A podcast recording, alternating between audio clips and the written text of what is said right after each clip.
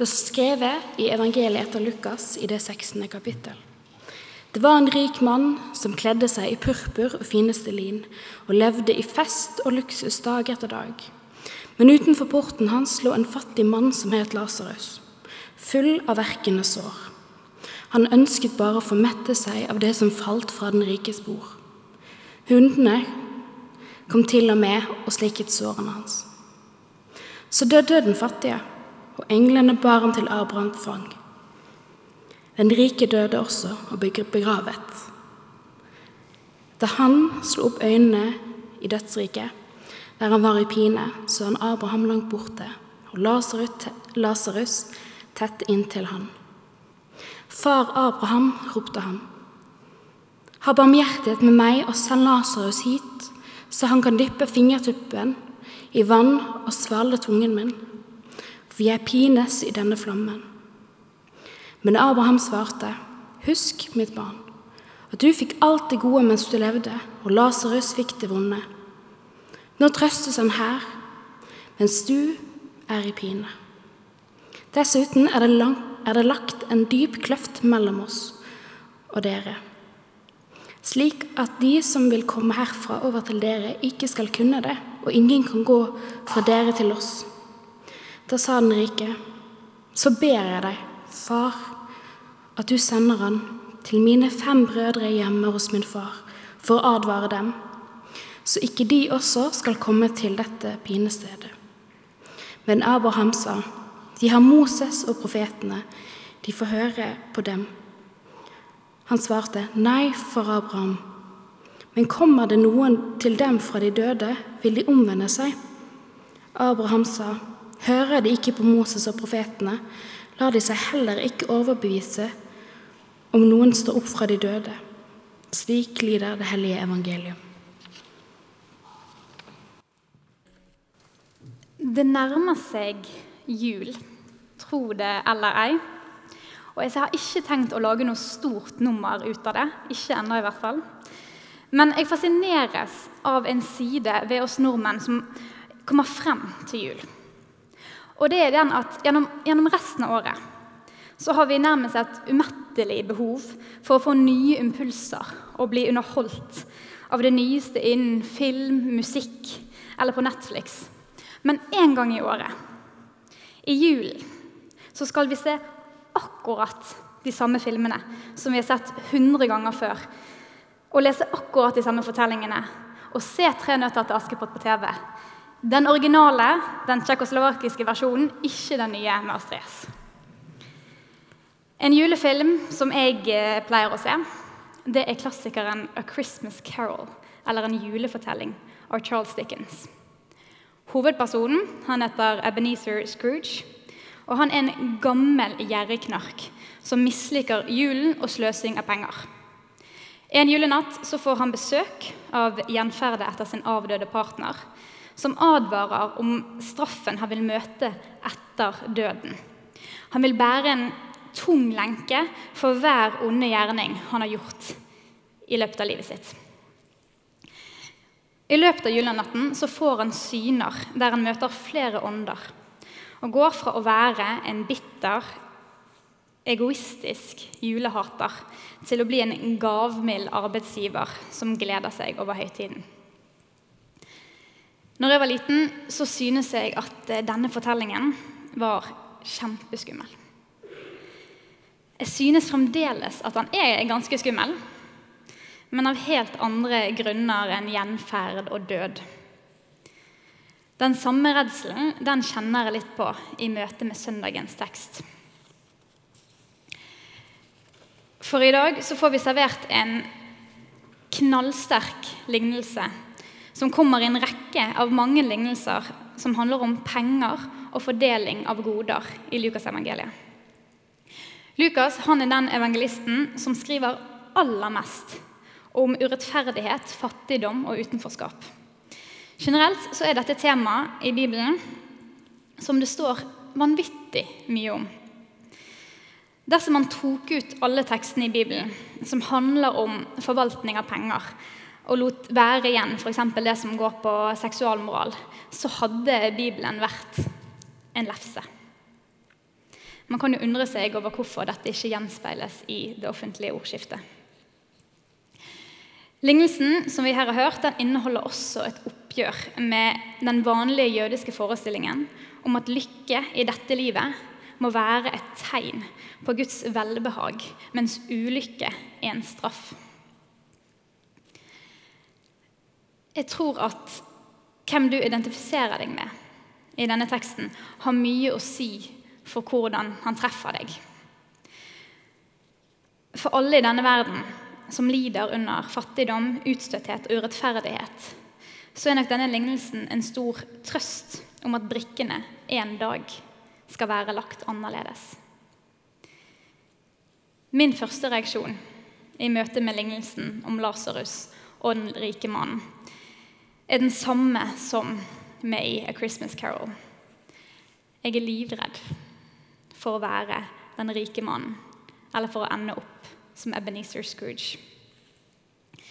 Ikke bare fordi at skjebnen deres er til å ligge våken om natten av, men fordi jeg jo ikke ønsker å snu, verden, nei, å snu ryggen til verdens nød. Jeg ønsker ikke å unngå tiggere på gaten. Jeg ønsker ikke å gi til veldedighet kun for å føle meg bedre og rettferdiggjøre mitt eget forbruk. Likevel er dette ting som jeg gjør hver dag. I vår verden så har vi en enorm tillit til penger og materielle goder. Det er forsikringen vår. Både for å dekke basale behov som mat, klær og ly, men òg en jobb gjennom god utdanning, et fint hus i det riktige strøket, fritidsaktiviteter og hobbyer vi kan dyrke, ja, til den livsstilen vi ønsker oss, som ofte blir synonymt med lykke. Vi later som om at vi vet at tid og relasjoner er viktigere enn materielle ting. Til og med i USA, kapitalismens land, så er dette et gjentagende budskap i mange fortellinger gjennom film, serier og bøker. Likevel så handler vi ikke alltid deretter. Flere steder i evangeliene står det at det er vanskeligere for en som har mye, enn en som har lite, å komme inn i Guds rike. Det sier seg nesten selv, ettersom eiendom og penger ikke har samme verdi i Guds rike som i vår verden. En annen rik mann i Lukasevangeliet spør Jesus hva han kan gjøre for å arve evig liv, og får som svar at han skal selge alt han eier, og gi pengene til de fattige og så vil han få en stor skatt i himmelen. Jeg vet ikke om jeg hadde hatt tiltro til at skatten i himmelen er verdt å gi opp alle mine verdslige goder for. Et grunnleggende spørsmål blir da altså hvorfor er det så utrolig vanskelig å gi materielle goder mindre plass og verdi når jeg er livredd for å være den rike mannen? En hjelp til å forstå dette kan vi finne hos den spanske kamelittmunken Johannes av Korset, som levde på 1500-tallet. Johannes han deler sjelen i to.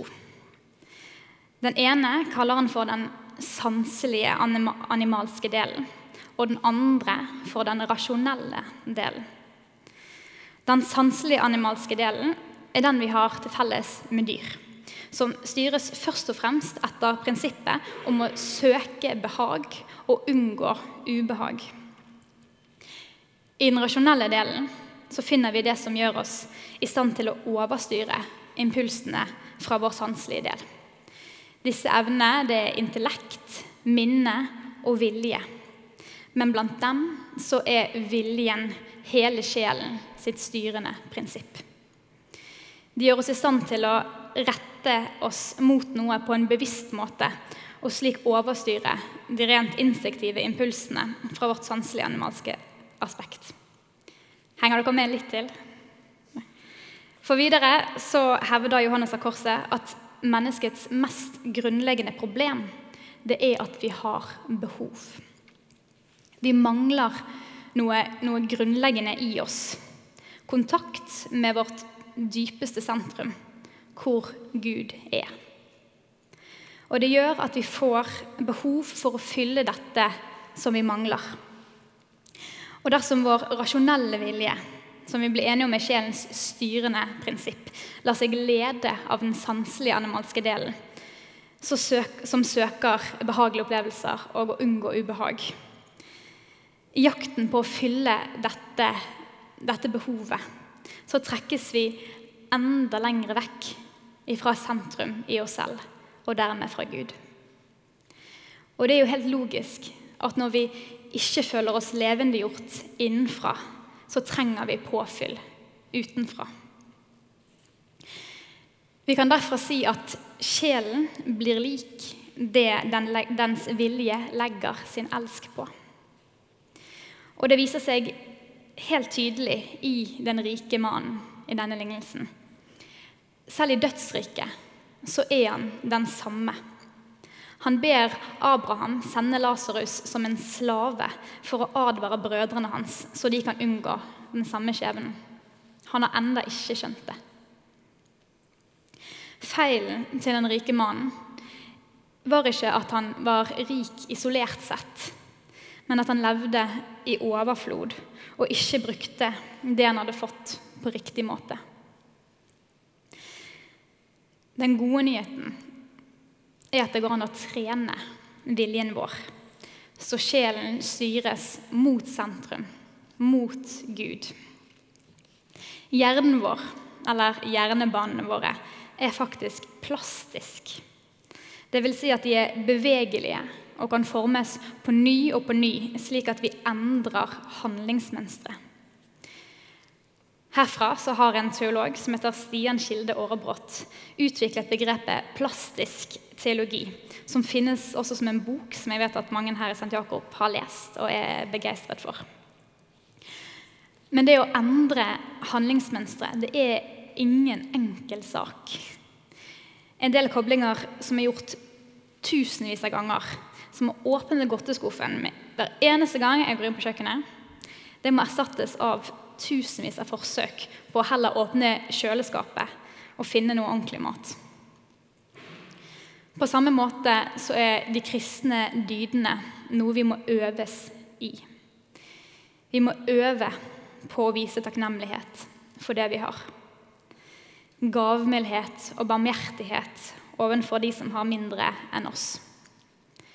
Det samme med måtehold, ydmykhet, tilgivelse og tålmodighet. Sistnevnte så har jeg mye øving jeg må gjøre. Ofte så betyr det å øve seg i disse tingene å øve seg vekk ifra det som distraherer. Eller velge noe annet ovenfor det som hadde lønnet seg. Det kristne livet er ikke en passiv tilværelse som sier seg fornøyd med det man en gang mottok, men en tilværelse som stadig søker å øve seg i kjærlighet fordi Gud er kjærlighet. Og dette er ikke noe vi klarer alene. Da vil vi alltid komme til kort. Vi trenger hjelp. Vi trenger nåde. I nattverden, som vi har hver gudstjeneste, her i St. Jakob, så kommer Gud oss i møte og gir kraft til å fortsette å øve. Når julen kommer i år, så skal jeg enda en gang se A Christmas Carol. Både fordi at det blir ikke jul uten, men òg fordi at jeg, jeg, trenger, jeg trenger oppvekkeren. Jeg trenger å kjenne litt på den frykten for å bli som Ebenezer Scrooge eller den rike mannen. For å være opptatt for å være for opptatt med mitt eget til at jeg ser de andre rundt meg.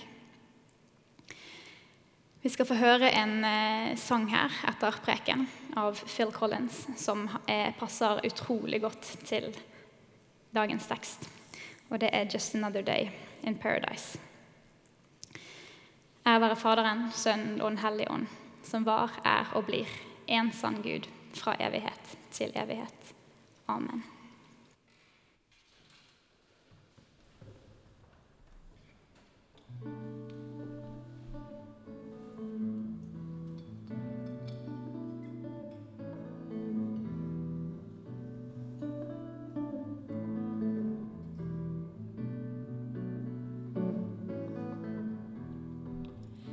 Cause